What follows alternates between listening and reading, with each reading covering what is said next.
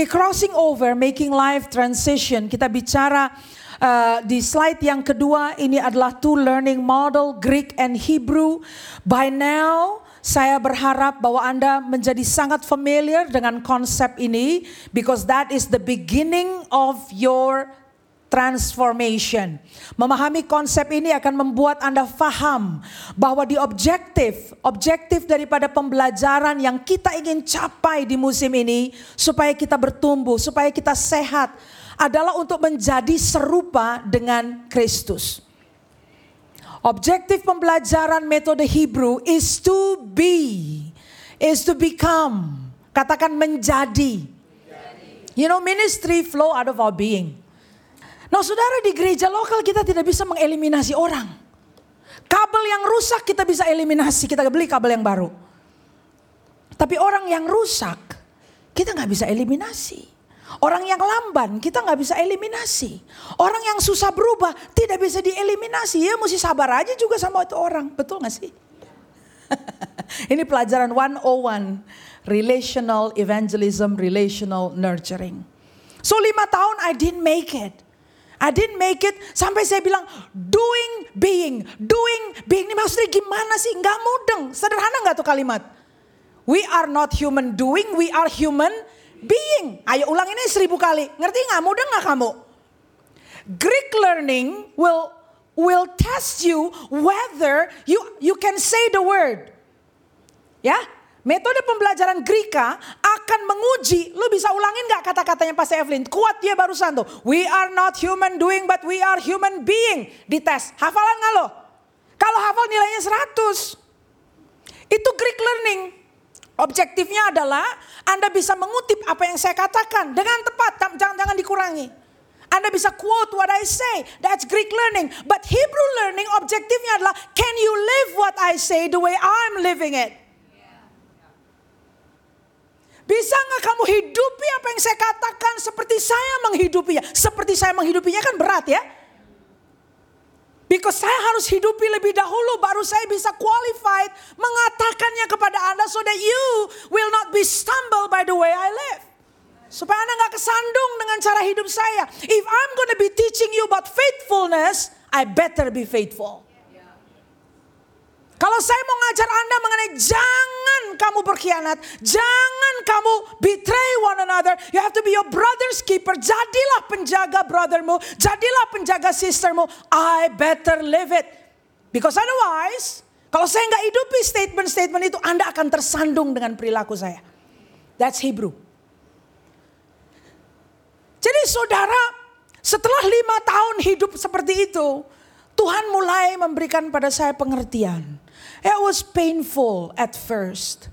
Tapi saya mulai, ya oke, okay, I get it gitu. Not easy.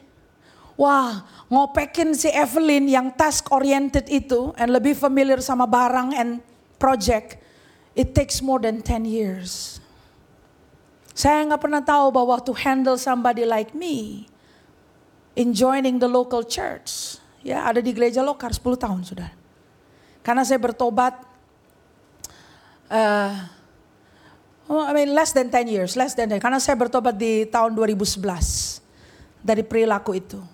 And I begin to see and begin to live, begin to love, mulai mengasihi sesama saya, mulai mengasihi orang yang belum berubah langsung di depan mata saya, mulai mengasihi my brother and my sisters in the local church seperti saya mengasihi keluarga darah daging saya sendiri.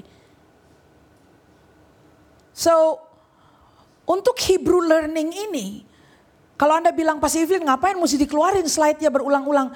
Well, it's Hebrew man. Anda bisa potret, Anda bisa hafalin, but let me check. Anda sudah hidup seperti Hebrew learning itu belum? Anda sudah talmid belum? Atau Anda adalah murid pendidikan metode Greka? Karena kita harus hidupi ini. You get it? Ya, I hope itu tadi menjadi pengantar yang cukup membuka wawasan kita bahwa objektif kita adalah perubahan itu. Nah, saya mau kaitkan apa yang saya sampaikan hari ini di dalam perubahan-perubahan yang terjadi di hidup kita. And I pray Tuhan menguatkan Anda dan hadir di tengah perubahan-perubahan tersebut. Hari ini saya akan kutip kisah Rasul 1 ayat 3. Coba kita lihat di sana. Bahasa Inggrisnya bilang gini, After his suffering, Jesus presented himself to them and gave many convincing proofs that he was alive. He appeared to them over a period of 40 days and spoke about the kingdom of God.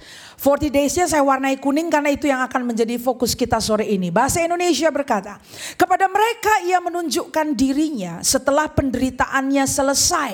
Dan dengan banyak tanda ia membuktikan bahwa ia hidup. Katakan banyak tanda. Ya.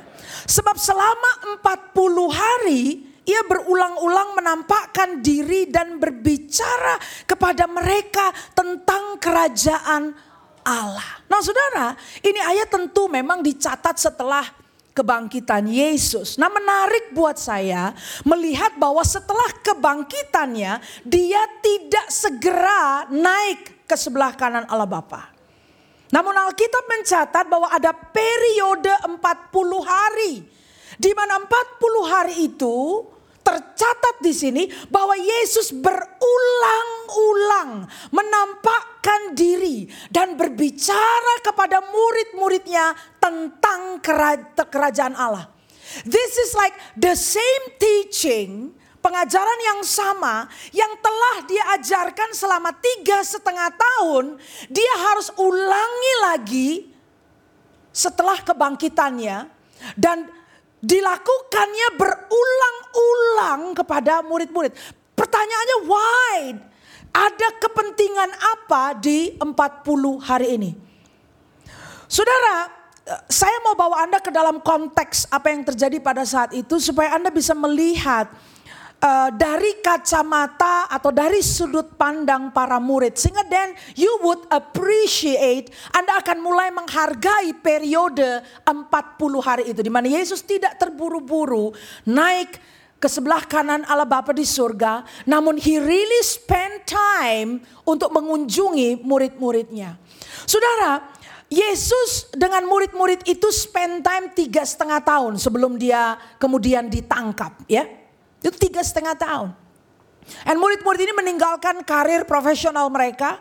Ya, semenjak mereka uh, handpicked by God, ya, Yesus pilih mereka seleksi satu persatu, lalu kemudian dipanggil one by one. Yang tentunya paling fenomenal ya siapa lagi, siapa lagi tidak lain tidak bukan itu Simon, ya, yang direkrut oleh Yesus dalam suatu kejadian di pinggir pantai, betul? Dia sudah pulang menjala ikan tetapi apa daya? Sepanjang malam tidak menangkap apa-apa dan itu jalannya sudah dikeluarkan and they are all tired and fatigued you know? And itu jala harus dibersihkan laginya juga anda uh, kebayang nggak Anda sudah kerja keras dan tidak dapat apa-apa. And you are the breadwinner of the family. Anda adalah kepala keluarga, pencari nafkah, tulang punggung. Itu kira-kira mau ngomong apa sama istri di rumah? Alkitab mencatat Petrus sempat bilang bahwa ibu mertuanya sakit ya. Pernah ada ya? Saya lagi pikir apakah dia tinggal di rumah pondok mertua indah. Kebayang gak kamu kalau itu konteks dimasukkan lagi dengan bahwa dia tinggal bersama ibu mertuanya.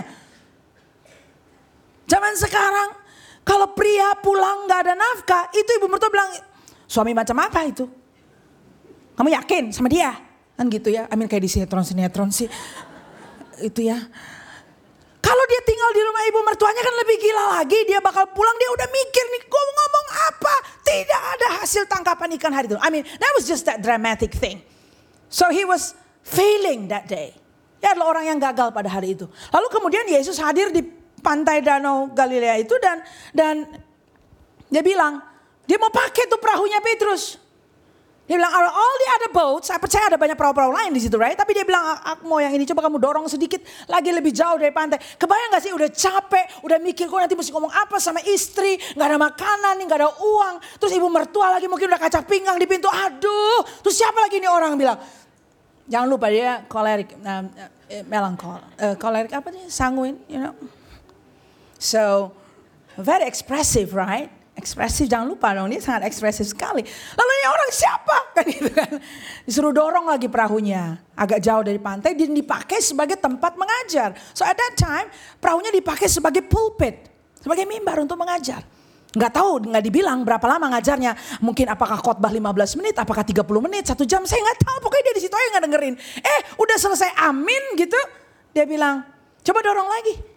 Dayung lagi ke sana. Dan sekarang tebarkan jalamu.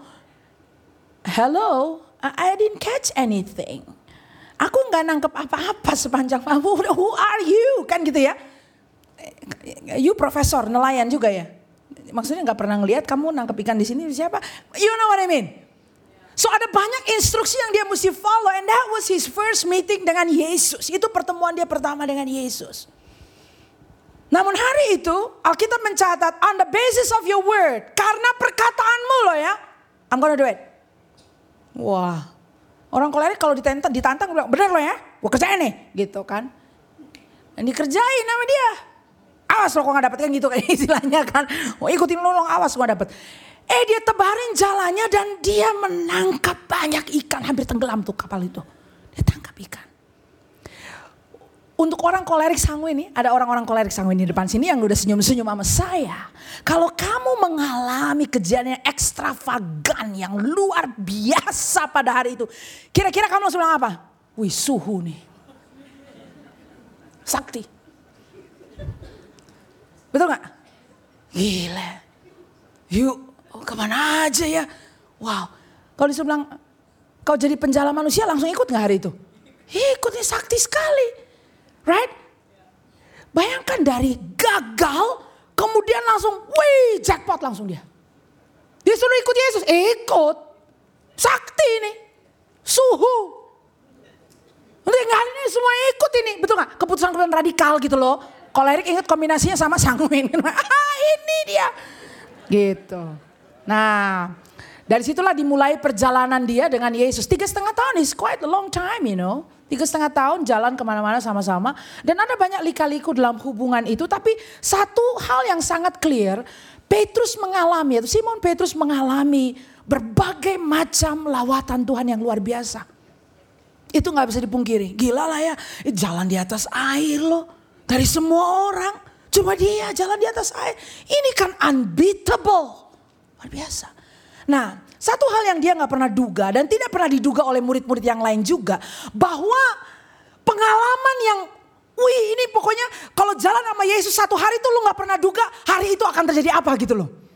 Siapa lagi yang mati akan bangkit, lumpuh, berjalan, mata buta, tiba-tiba kosong ada matanya. Itu tuh nggak pernah bisa diduga. Pengalaman tiap hari itu akan yang hai gitu loh, yang wih gitu kan. Nah mereka nggak pernah duga bahwa kejadian di akhir tiga, masa tiga setengah tahun itu. Itu mereka nggak pernah duga. Makanya Petrus itu keseling sepan saudara. Sampai Yesus hardik dia. Dan dibilang, hei iblis kamu cuma pikir apa yang jadi pikiran manusia nggak peduli sama apa rancangan Tuhan. Kan begitu ya. Kamu batu sandungan buat aku. Dia, he cannot comprehend. Ini maksudnya gimana sih? Karena grafiknya tuh high, high, high, high, high terus. Itu apa ya? Uh, bukan endorfin, apa itu? Adrenalin rush terus. Boom, boom, boom, boom, boom, boom, udah kayak begitu. Jadi kalau waktu dibilang, aku ini akan ditangkap. Kurang cocok ditangkap dengan all this adrenalin pump. Itu nggak cocok, mah ditangkap. Lalu aku akan diadili. Ditangkap, diadili. Lalu aku akan mati. What? You mean to tell me it, this is only short lived? Ini kan baru tiga tahun loh. Bukannya udah sepuluh tahun. This is short lived. You mean to tell me I live everything. Semua udah aku tinggalkan. Kita kan hai hai hai hai terus. You mean to tell me kau diadili. Ditangkap, diadili, mati. Dia nggak bisa terima itu saudara. Makanya dia coba defense. Segala macam lah. Tapi kan kemudian kejadian. Dan dia sangkali Yesus tiga kali betul. Tapi apa yang terjadi? Di depan matanya memang Yesus diadili. Lalu keputusan pengadilan itu which is unfair berkata bahwa Yesus salah. Dan penalti atau hukuman yang ditimpakan kepada Yesus adalah hukuman mati dengan cara disalibkan. Can you imagine goncangan yang terjadi secara kejiwaan bagi rentetan orang-orang yang adalah pengikut-pengikut Yesus.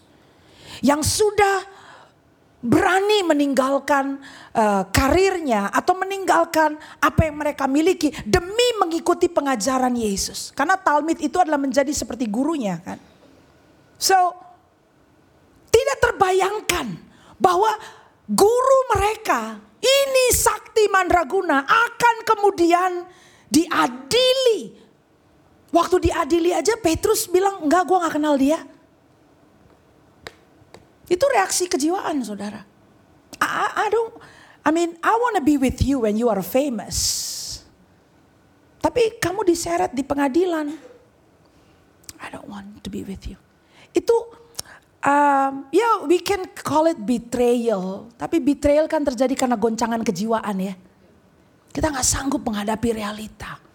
Bahwa orang yang kita hormati, guru yang kita kagumi, yang telah melakukan mujizat, saya nggak tahu lah mungkin jadi ada ikatan jiwa tidak ilahi, you know.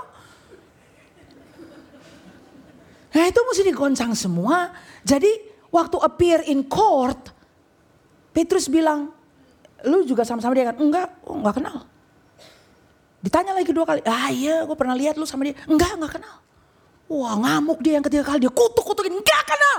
Gitu, baru ayam berkokok. Ini kejiwaan. Dia goncang.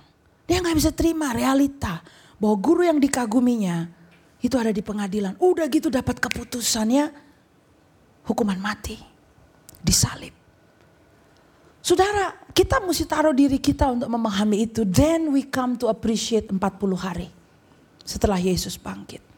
Karena setelah Yesus mati, saudara, all these disciples stress. Karena orang menganggap ajaran Yesus itu ajaran yang sesat. Itu dianggap dia palsu, saudara. Jadi kalau mau appear in public pun orang akan bilang, ah lu kan pengikutnya itu tuh yang mati itu kan. Jadi kebayang gak kejiwaannya? Halo, sudah mulai merasa itu? Anda kalau di kantor aja, dulu ya saya pernah dengar orang ke kantor bawa Alkitab, Alkitabnya dibungkus sama kertas koran ditaruh di plastik kresek-kresek apa gitu. Karena nggak mau ada peer pressure di kantor. You don't want people to know that you're Christian. Nggak mau pakai kalung, ada salibnya gitu kan. Eh lu mau ke mana hari Jumat siang? Ah, enggak, gue mau uh, itu. Ayo mau ke mana? ya kan? Oh mau persekutuan gitu kan. Uh, enggak, gue itu aja. Kita nggak mau ketahuan. Baru kayak begitu saudara. Kebayang nggak kalau anda ikut seorang pemimpin rohani and then ada persecution, ada aniaya terhadap pemimpin rohani Anda. Uh, what would you do? Anda akan bilang, enggak gue gak kenal dia. Would you still stick next to the person? Ini jiwa. Nah saudara, perubahan yang drastis ini sulit untuk diterima oleh para murid. Nah, saya mengajarkan di hari Sabtu lalu, ya, mengenai transisi yang dulunya saya pikir itu sama dengan perubahan, tapi ternyata tidak. Karena perubahan sifatnya situasional. Jadi tadinya bisa berjalan dengan Yesus, sekarang Yesus tidak ada. Yesus diadili, menerima hukuman mati, lalu betul dia disalib dan menghembuskan nafas terakhir waktu dia berkata it is finished. He's dead. Dia meninggal dunia. Dia mati di atas kayu salib itu. Memang dia ada janji. Sekarang kita baca Alkitab, kita tahu dia bangkit tiga hari lagi, betul ya? Kita baca itu di Alkitab. Tapi kalau kamu hidup di zaman itu kan kamu nggak tahu. Hari ini kalau di depan matamu Yesus menghembuskan nafas terakhir, iya sih dia janji tiga hari dia bangkit. Saudara, coba jam-jam yang dilalui setelah dihembuskan nafasnya. Jam pertama, jam kedua, jam. Kamu makin deg-degan gak? Diliatin orang loh. Hari kedua, ya memang belum bangkit. Aduh gimana ya, itu kamu pernah rasa agak sembelit gitu ya, jadi kayak nggak bisa ke belakang gitu. Atau mah kumat, asam lambung naik. Ini beneran bangkit gak sih? Halo? Sekarang mengerti kenapa Yohanes 21 Petrus bilang, eh gue mau pergi nangkap ikan ya. Kenapa dia mau pergi nangkap ikan? Stres. Orang mau pergi nangkap ikan stres sih saudara. Ya udahlah Mungkin kalau ada orang-orang mau nangkep ikan gitu ya, tanya lu stres ya. Kemarin itu waktu libur kita pergi ke Pluit ya Melka ya. Terus saya lihat ada ada empang atau apa tuh. Adik saya bilang, nah itu kalau nangkep ikan di sini kak. Saya bilang kenapa lu mau pergi nangkep ikan? Ya di sini pasti dapet ikan deh. Orang yang nangkep ikan sini pasti dapet ikan. Saya bilang kok bisa dipastikan dapet ikan? Iya karena ikannya memang dilepas di sini. Oh, saya bilang ya kau kalau mau nangkap ikan gak usah jauh-jauh. Aku beli aja ikan taruh di ember. Kau tangkap aja langsung dari ember. Kenapa kau mesti jauh-jauh ke peluit kan gitu kan? Mana serunya? Coba bener nggak? Eh dapet ikan. Lo emang ada ikannya di situ. Itu lebih stres daripada stres sudah. Kenapa nggak kita beli berapa kilo aja di pasar? Kita taruh aja di ember. Nah kau pungut aja ikannya satu persatu. Saudara rupanya memang ada orang-orang yang ekspresi stresnya itu mau nangkap ikan. Ya, karena memang tidak kuat mengalami perubahan hidup. Saya ada mendengar, ini ini nggak apa-apa kita dalam keluarga Tuhan betul ya. Saya nggak akan sebut namanya, tapi ya pengalaman menarik karena saya mendengar juga dari jemaat mengantisipasi perubahan-perubahan hidup. Ada keluarga couples gitu ya, yang suaminya akan memasuki usia pensiun dan memang akan pensiun. Jadi mulai bicara-bicara gitu. Dan dia katakan iya pastor suami saya bilang nanti kalau dia udah pensiun uang pensiunnya kan lumayan tuh ya dikasih ke saya ya terserah saya mau kelola kayak apa. Tapi dia akan mungkin simpan beberapa dia mau beli kapal katanya. Buat apaan beli kapal? Dia mau pergi mancing aja. Setelah saya baca Yohanes 21 saya bilang stres kayaknya. Dia kurang siap berhadapan dengan istri di rumah. Jadi dia mau lihat laut aja dan air. Nongkrong untuk nangkap ikan gitu kan. Mungkin dari situ kemudian saya juga mengerti kenapa para bapak-bapak kalau sudah menjelang pensiun itu rada stres. Saudara perubahan itu bicara mengenai pindah lokasi, pensiun, ganti posisi, organ, dalam organisasi macam-macam itu hanya perubahan gitu ya, sesuatu yang berubah. Tetapi yang tidak diantisipasi adalah ternyata dampak kejiwaan Dampak mental daripada perubahan-perubahan tersebut, implikasinya terhadap kondisi emosi kita, perasaan kita, kejiwaan kita kayak apa, psikologinya kayak apa. Nah itu tuh transisi saudara. Dan kalau kita nggak bicarakan dan hadirkan topik ini dalam gereja, bayangkan ada berapa banyak nelayan-nelayan di... Nanti saya mesti turun ke Tanjung Priok atau ke pantai sana untuk nyari mana jemaat GG atau bapak-bapak. Di situ kalian mungkin berjejer. Eh, ada di situ juga, Bro. kalian jadi nelayan ikan padahal Tuhan bilang kalian bisa jadi penjala manusia. Mau jadi penjala ikan. Nah, jadi saudara, Petrus waktu dia bilang, udah ya, gue pergi nangkap ikan. Itu dia stres. Dia nggak tahu mau dibikin apa lagi hidup ini, saudara. Dia nggak bisa menghadapi perubahan bahwa guru yang dicintai. Dia sayang nggak sih sama Yesus? Sayang. Tapi sayangnya mesti dimurnikan ya. Makanya dia nggak kuat dengan goncangan perubahan itu. Udah gitu dia bilang pergi mancing ikan, yang lain pada ngikut laginya. Ya itulah orang kolerik. Mau bener diikuti orang ya salah juga diikutin orang. Karena yang penting kan toanya nyala dulu. Coba kita lihat slide berikutnya saudara. Nah jadi Titik awal dari suatu transisi adalah ending yang harus Anda lakukan untuk meninggalkan situasi yang lama atau identitas yang lama.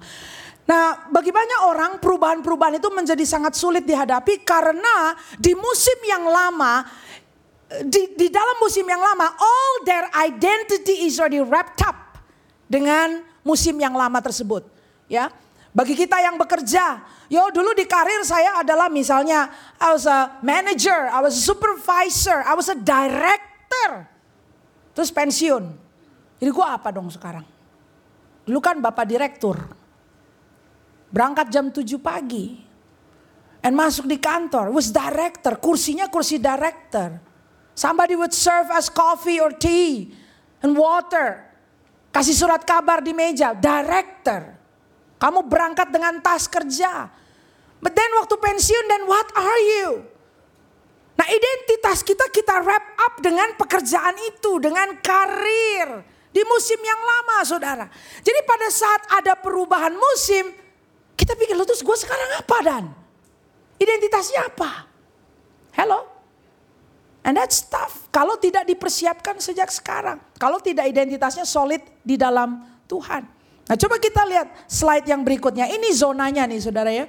Jadi ini saya bagikan juga di Sabtu lalu, just to re-emphasize this. Di musim yang dibawa itu adalah musim yang lama, ada ending, losing, letting go. Jadi sesuatu harus berakhir dulu. Dan memang ada kehilangan karena sesuatu tersebut selesai. Rasanya hilang.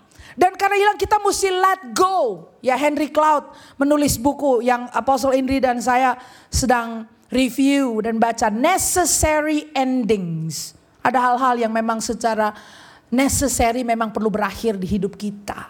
Saudara.